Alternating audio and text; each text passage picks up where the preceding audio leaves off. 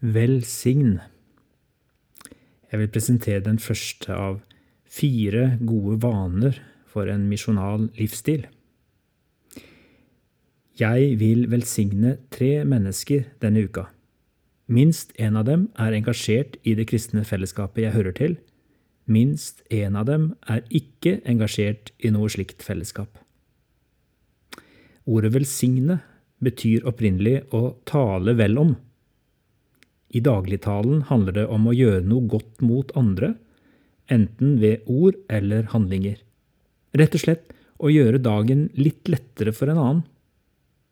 Ofte kan det skje på tre måter. Gjennom bekreftende ord, en oppmuntring, ansikt til ansikt eller som en melding på mobiltelefon. Oppmuntringer er som oksygen for sjelen, har noen sagt. Gjennom å gjøre en godhetshandling, Hjelpe noen med en praktisk oppgave. Kanskje ta i et tak i et flyttelass. Kanskje betale for en foran deg i køen på butikken som har glemt lommeboka.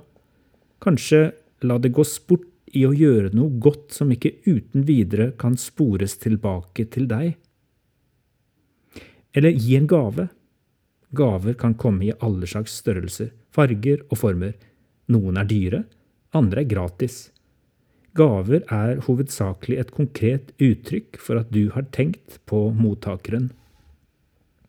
Siden jeg skal velsigne minst én person ukentlig som er engasjert i menigheten min, kan det etter hvert vokse fram en velsignelseskultur i mitt eget fellesskap. Særlig fordi det er gode muligheter for at flere tar ballen og gjør det samme på kryss og tvers. Og fordi jeg og andre skal velge minst én person ukentlig som ikke er engasjert i menigheten, vendes blikket utover.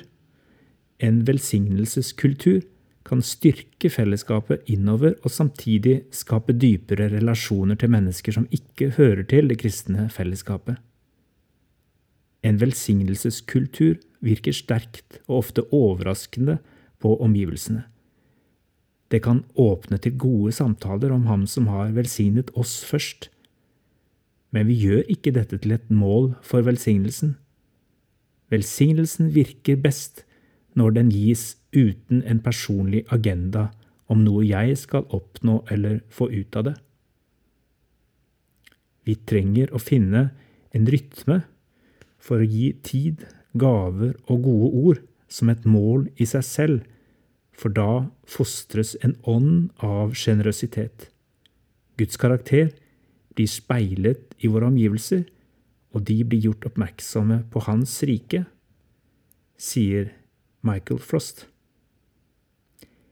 Lavmælt samtale. Tenk på om du kan velsigne tre mennesker denne uka.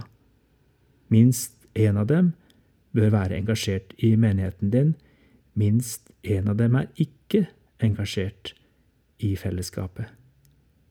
Er det noe som hindrer deg fra å gjøre dette? Hva skal til for å begynne?